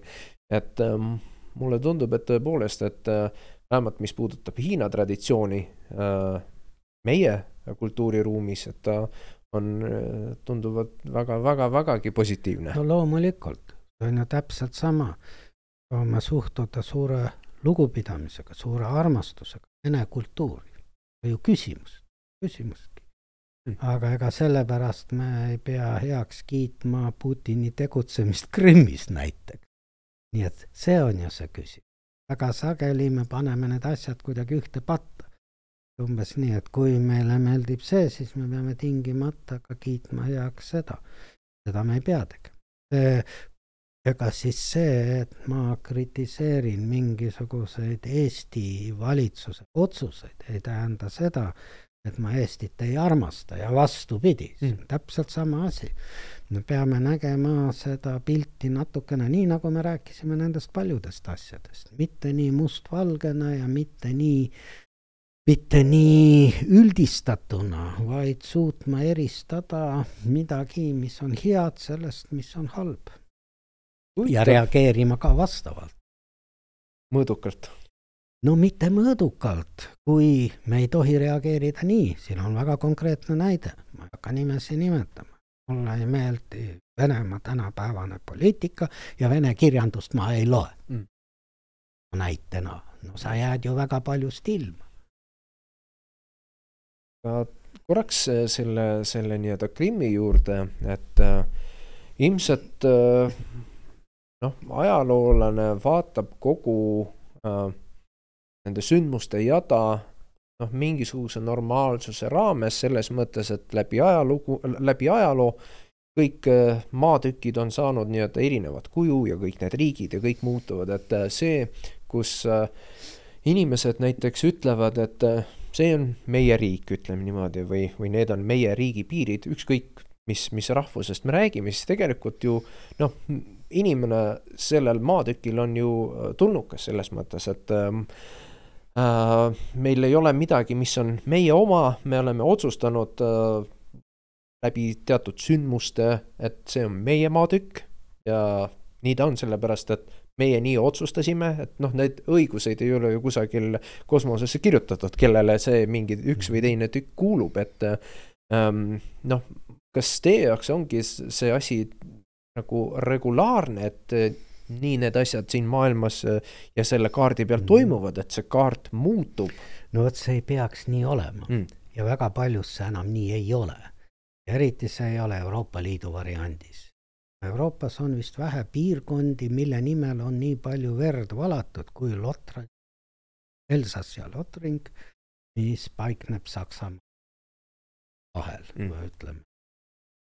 ja tänase päeva Euroopa Liidu raamides, tsiviliseeritud maailma raamides, tahad elada siin, elad seal, oma valik, tahad minna sinna. Ja vot sellepärast kogu see Krimmi lugu on no niivõrd eelmise sajandi lugu. ja veel, kui mõelda, kaks vennasrahvast, milles küsimus, milles küsimus, milline geopoliitika, mis seal toimub? ja kas siis tõesti see inimene, kes elas Tambovis, oleks Soigor, raha on, võinud minna elama Krimmi. Kes elas Krimmi mm. Ja oleks võinud minna Tambovisse, kui talle millegipärast meeldib. milleks selle juurde peab riputama mingi geograafilis-poliitilise kaardi, kus kindlasti vot joon, et see maatükk on minu, minu riigi tähenduses. kui seesama inimene võib osta selle maatüki, ehitada sinna maja ja see ongi tema maatükk, ongi vot see ongi erinevad mõtlemiskategooriad, kas me mõtleme riikidena, me tunneme ennast sellepärast hästi, et nüüd tükk on värvitud sama värviga, nagu poliitilisel kaardil on siis värvitud veel mingi tükk. see annab siis mõnusa hea olemise. Või see teadmine, et noh, need värvid on väga suhtes, need on lihtsalt akvarellivärvid, jah, piirid peavad olema ja nii edasi, aga põhimõtteliselt tahan lihtsalt elada Austrias, no elan seal, millegipärast vot mulle meeldib sealpool. tahan elada Saksamaal, no, no siis elan seal. inimene saab seda määrata.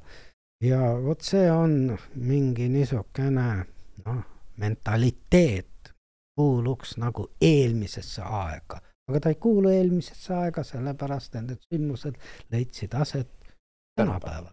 jah, nii et selles mõttes jah, see arusaam maailmast, kus on kindlad värvid, jooned, et see eksisteerib paratamatult ja see ei ole ainus piirkond, kus näeme. aga kas see ei ole äh, seotud sellega, et äh, Putin on ära tundnud nii-öelda võib-olla teatud kogukonna tujud. no loomulikult me rääkisime samastumisest mm, -hmm. väga lihtne on, väga lihtne on samastuda vägeva riigiga. eriti Nõukogude ajaloos on ju seda väga hästi teada, et ajajärkudel, kui ju ütleme, kuskil provintsides süüa polnud midagi, aga samastusime, no me kallutame kosmost. muuseas tänapäeval ja vot see ongi üks niisugune suur muutus, et kaks postulaati minevikust, millega Nõukogude ajal samastuti, suur sotsialistlik oktoobrirevolutsioon, teine oli võit suures suursotsialistlik oktoobrirevolutsioon on langenud ära, vähemalt paljude inimeste jaoks on arusaamatu. samal ajal Lenin mausoleumis ja samal ajal püstitatakse Koltšakile ausambaid. no siin on orienteeruda väga raske. tõuseb lipu vardasse tsaariaegne lipp, nõukogudeaegse hümni saatel. no nagu väga raske aru saada. vot sellepärast see minevikus ainus postulat ongi võit suures Isamaa sõjas. vot see on küsimus, miks meil on väga raske ajaloos leida konsensus.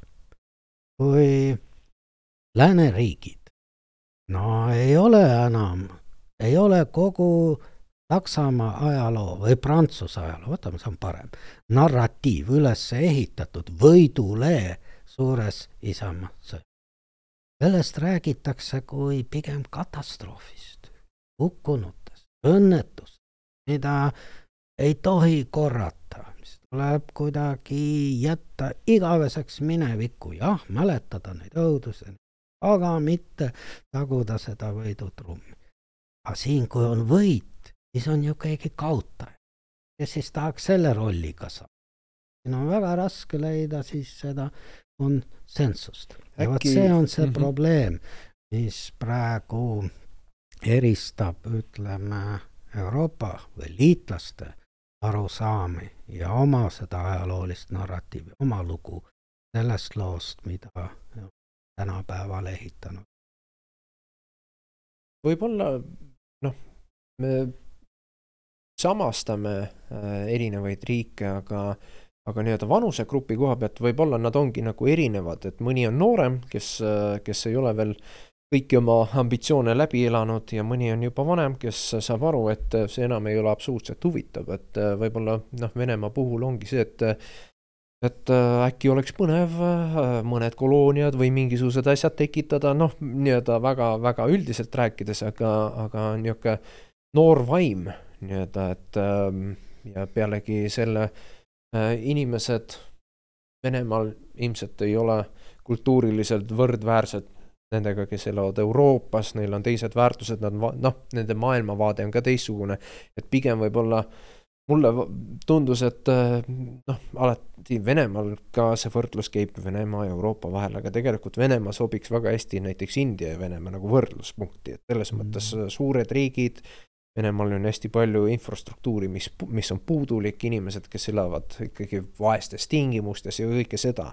et äh, võib-olla lihtsalt äh, tegemist ongi äh, väga nii-öelda noore, noore niisuguse käitumismalliga riigiga. no raske öelda, Venemaa on ju iidne riik ja Venemaa ajalugu on ju väga pikk, erinevad perioodid ja täna me ei jõua Venemaa ajaloost rääkida mm., see viib meid ei tea kuhu aga see on no omaette küsimus ja nii vene intelligents ju alates ja üheksateistkümnenda sajandi keskpaigast on ju kogu aeg vaevelnud selle, kuhu Venemaa kuulub, kas mm. Euroopa riik või Aasia riik ja ka tänapäeva vene ajaloolaste seas on ju neid autoreid, kes leiavad, et Peeter oma reformidega vormidega, millega ta keeras Venemaa lääne suunas, on nagu Venemaa just õigest teest kõrvale juhtinud. ja et see ei ole õige valik Venemaa jaoks ja nii edasi, nii et seal on väga palju niisuguseid huvitavaid seisukohti. Tepp ja Mets, selle vahekord, siis Tatari Mongoli ikke mõjutused, Bütsantsi roll, nii et need teemad, need tohutud avarused, edasi, nii et see mm. on igavene niisugune teema, see Venemaa ja Venemaa mõtestamise teema, just nimelt mõtestamise, Venemaa ajaloo teema, ka väga huvitav, just nimelt mõtestamine. vot niisugust, see on täiesti Venemaa omapära, sest nii palju analoogilist niisugust vajadust mõtestada oma koht, sa siin siis oled, kuulud. näiteks me ei leia prantsuse või inglise ajaloolaste kirjutistesse teema mm. -hmm. Prantsusmaa ongi siin ja, ja ongi, aga Venemaa puhul, no kuni selleni, avame Venemaa ajalooraamatu, siis esimene peatükk on Kiievi Venemaa mm. -hmm. see on tänapäeval ühe teise riigi pealinn ja jällegi määrab väga need spetsiifilised suhted. kuidas, kus siis on see Venemaa süda? Venemaa on vaieldamatult impeerium või ütleme, Briti impeerium on lasknud oma koloniaalvaldustest lahti ja on tõmbunud emamaale, aga Venemaa emamaa.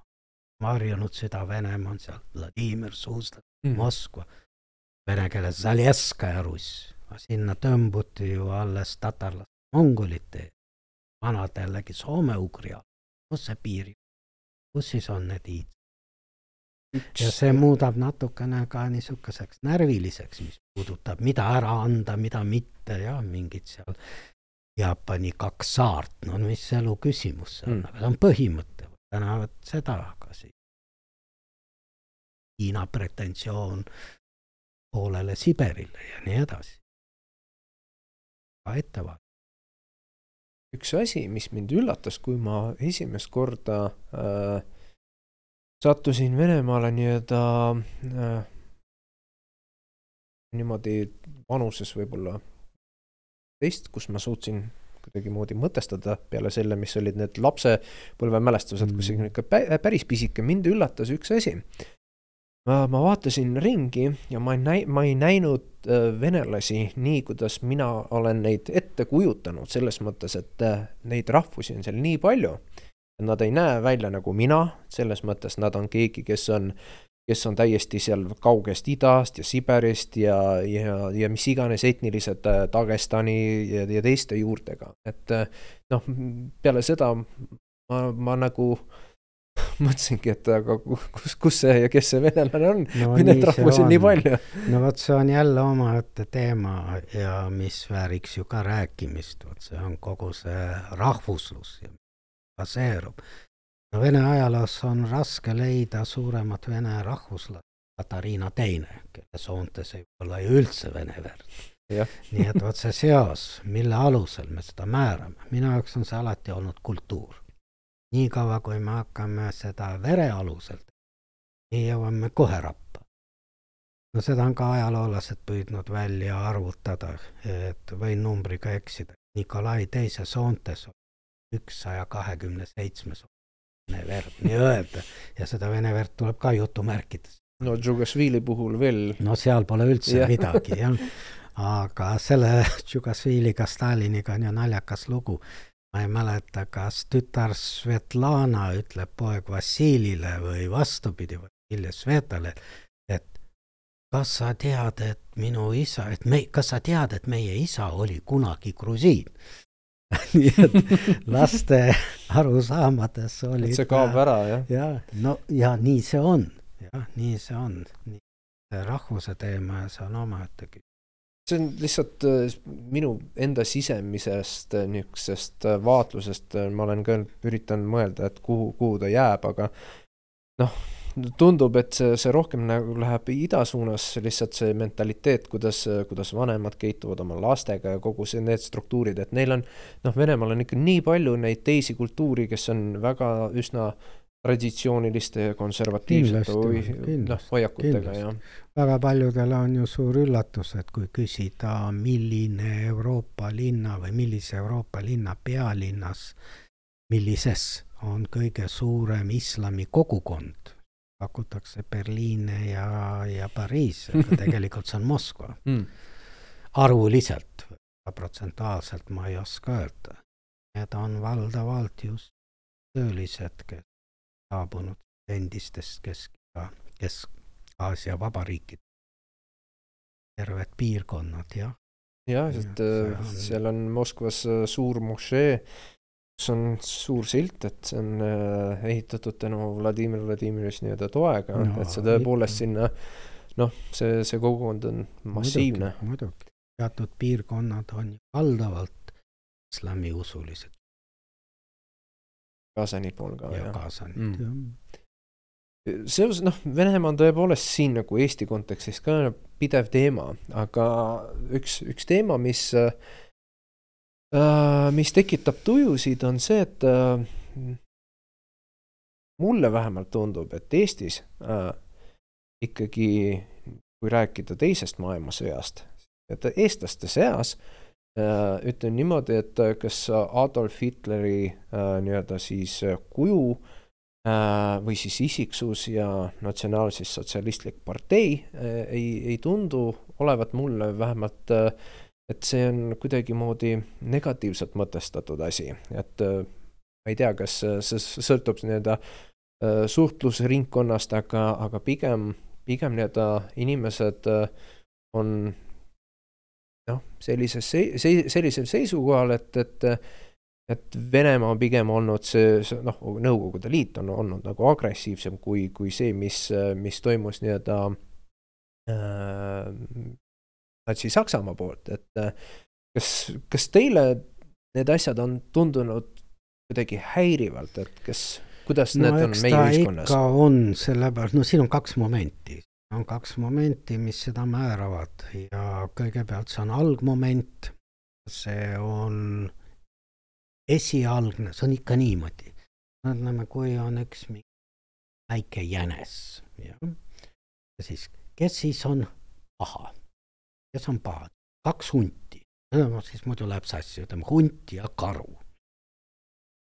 ja see on jänes, Eesti on jänes. Kes on siis nüüd tagantjärgi paha? see, kes esimesena kallale tuleb, karu, paha hunt lööb karu minema. hunt saab juurde plussmärgi, pigem emotsionaalne pluss. ta siin laamendab ja saab kord. siis tuleb karu, lööb hundi minema ja jääbki siin. ja vot see pikk periood mm. jällegi, jah. siis kogu see negatiiv, kõik samastub selle karuga.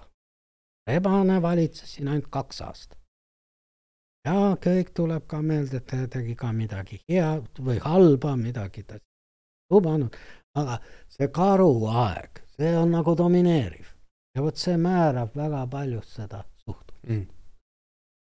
ja siin on väga konkreetne, karu ongi Nõukogude Liit ja meie näites rebane oli Saksamaa, määrab selle, määrab väga palju selle suhtes. kui hakata nüüd ja kõik muu on aga. oleks võinud, kui aga oleks jäänud Saksamaa siia pikalt ja lõpuni ja Eesti oleks saanud vabaks mitte Vene Nõukogude Liidust, vaid ütleme, Saksa liitvabariigist, no siis oleks suhtumine teist ja nii edasi. aga see on objektiivne minevik ja see määrab väga palju suhteliselt nii et mhm. mis loomulikult mõistlike inimeste jaoks ja teades, millised olid ka sakslaste Hitler, sakslased on ka võib-olla, aga ütleme, Hitleri natsionaalsotsialistide plaanid siinse elanikkonnaga ei ole ju ka mingit põhjust rõõmu. tundub ikkagi, et niisugused äh, faktid äh, on, on ikkagi näiteks mis puudutab äh, noh, seda, et Eestis, Eesti oli esimene Judenfrei siis nii-öelda riik, kus nii-öelda kõik juudid olid kadunud, vähemalt, vähemalt ta oli nii noh, kuulsatel kaartidel, et ta oli esimene ja siis, kui te tulete Iisraelis Yad Vashemi sinna äh, mälestuskompleksisse, siis te näete esimese asjana Eesti klooga laagrit ja kõigega seonduva. Et noh, mulle on alati tundunud, et see on nii noh, kuidagi kadunud teema äh, meie noh, ühiskonna mälus, ühiskonna kontekstis. Ehm, sest siin toimusid ikka päris, päris mitu noh, suurt niisugust kuritegevust äh, ja ja noh, ja need äh, mõningad lood on ka alles, aga mulle tundub, et väga vähe on tehtud selleks, et äh, rohkem rääkida nendest teemadest. muidugi nendest teemadest peab rääkima, nendest teemadest peab rääkima ka selles võtmes, et meenutada neid inimesi, kes on päästnud elu. just nimelt ja mina räägiksin alati selles võtmes. ilmas, et nendes, selles kurjuse maailmas on mingid niisugused alguse kiired, neid tuleks rõhutada, nendest peaks. See on üks asi ja no jällegi, kõik see tuleb panna ajaloo konteksti. sama Judenfrei. meil ei ole vaja seda lahti seal aga võib-olla kuskil mujal maailmas, kas või võrreldes situatsiooniga, ütleme, okupeeritud Poolas, hävitati ja oli vaja hävitada miljoneid inimesi. Eesti oludes, siin aitas kaasa ka Nõukogude võim, kes sellest väikesest kogukonnast no kuskil ühe viiendiku või umbes saatis ju Siberisse mm. ja küüditas millega ju võib-olla päästis, mõni inimene tuli ju sealt tagasi. osad evakueerusid ja kohale jäänud ligikaudu tuhandest inimesest, noh, tehniliselt neid hävitada. oled lugu, oledad sõnad, oledad sündmused, ei olnud veel kord tehniliselt keeruline. selle nulli, oletatava nulli saavutamine polnud probleem puhtalt sellepärast. see nüüd pani nüüd selle Eesti sellele kaardile, sellele geograafilisele kaardile. mitte sellepärast, et siin kohalik elanikkond oleks olnud nüüd julmem või kuidagi kui kuskil Poolas või, või Prantsusmaal. See seletab, miks Eesti. aga samas ja on ka võrreldes näiteks... Lätiga mm. ja Leeduga, kus see kogu poliitika oli samasugune. aga no võib-olla siin ei olnud isegi tulenevalt juutide arvust mõtet mingit tohutut getot korraldada ja kasutada siis algselt tööjõudu. löödi inimesed maha, tasunud seda. Ma arvan, et need koledused, mis Leedus aset leidsid, erine ja arvuliselt ületavad kordades seda, mis toimub Eestis. aga tulenevalt selle kogukonna väikese arvust jõudis Judenfront. no seda kindlasti jah, aga noh, mis äh, mind häirib, kui ma inimestega olen nüüd seda teemat arutanud, mis puudutab holokausti, siis äh, noh, tänapäeval on moodne vaielda ratsionaalselt igasuguste arvude üle ja kõige selle üle, aga noh, mulle alati tundub, et, äh, et kas oli kuus miljonit või kui palju, et äh, me ei, me ei, me ei too välja neid õppetunde, et mis no, tüüpi muidugi. isiksused need on no,. loomulikult, muidugi, muidugi, see on ju põhiline. mis on üldse, kuidas nii saab, mis on siis, mis, mis inimene üldse on, mis määrab tema olemist, määrab, jällegi, me just praegu rääkisime rahvusest. mis kriteerium see on? kriteeriumit pole olemas, ei määra mitte midagi. ja nüüd järsku järsku, see on kahekümnes sajand, järsku leitakse, et see on nüüd kriteerium, mille alusel määrata inimese olemist, tema väärtust, tema õigust üldse elule eksisteerida, eksisteerida, jah. Näide võib ju olla pisike lapsuke. minu, minu vanaisa, vanaema tapeti ja vanem vend siis, nagu ma ütlesin, lahkus kolmekümne kuuendal aastal Eestist. minu isa sattus, kuna ta oli trükitööline, sattus evakuatsiooni, aga kaks nooremat venda, need tapeti. mis on see määrav, mis on see?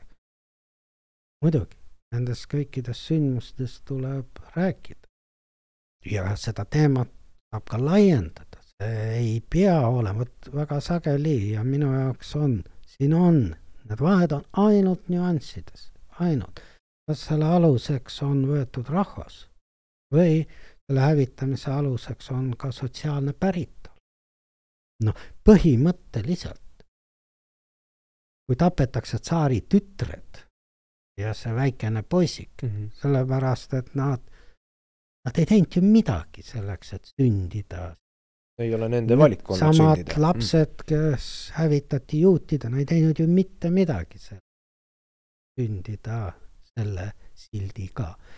nii et, nii et mõistmaks vot seda kurjust natukene laiemalt ja hoiatada, võib-olla tulekski nendest asjadest rääkida ka natukene veel laiemalt. mõni, no mina ei oska tuua neid näiteid punastest khmeeridest, arvan, et seal hävitati ka miljoneid inimesi, tulenevalt mitte nende tegudest, vaid nende päritolust. nii et neid paraku näiteid inimeste ajaloos leiab tohutu. mulle tundub, et Eesti oleks nii-öelda ideaalne koht tegelikult, kus, kus nii-öelda võiks noh, luua väga, väga abstraktselt räägin, mingi keskuse, mis, mis väga selgelt inimestele selgitaks, nii-öelda, mis, mis midagi. puudutas Gulagi, mis puudutas laagreid. väga õige, minul ei oleks midagi selle vastu, kui, kui planeeritav muuseum keskenduks kurjusele. sõna jah, mis tüüpi need isiksused on, kes Just sinna nii. jõudsid, et äh, jah väga õige, täiesti nõus. sest äh, jah, meil sümpaatiad on nagu erinevas ühes teises suunas, poliitilised, mittepoliitilised, aga me unustame ära, et, et äh, noh, millised õppetunnid me saaks välja viia ja kuidas, kuidas need inimesed tulevikus ei tekiks. Jah. alati ju võimalus, et keegi Jah. hüppab välja jah, loosungitega ja nende ideoloogiatega. neid tekib alati, aga meie ülesanne on, et ei tekiks tingimusi, kus pääsevad võimule ja kus nad määrama teist. aga suur tänu teile, et tulite meile külla. aga aitäh kutsumast ja eriti, kui kutsuvad teise põlvkonna esindajad. ja ei olegi vahe nii hirmuäratav, saab ikka juttu ajada küll. absoluutselt, suur tänu teile. aitäh, suur tänu aitäh.